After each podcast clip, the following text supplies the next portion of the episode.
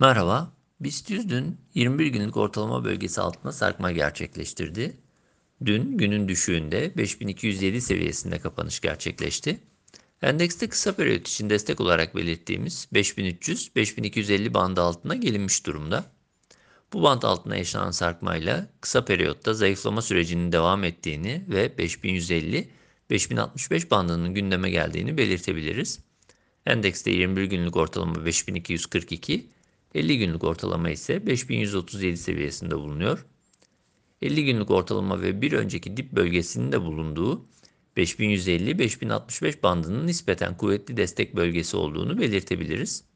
Bununla birlikte kısa periyotta yeni bir iyimserlik gelişebilmesi için 5350 seviyesi üzerine geri dönüşü gerekli görüyoruz.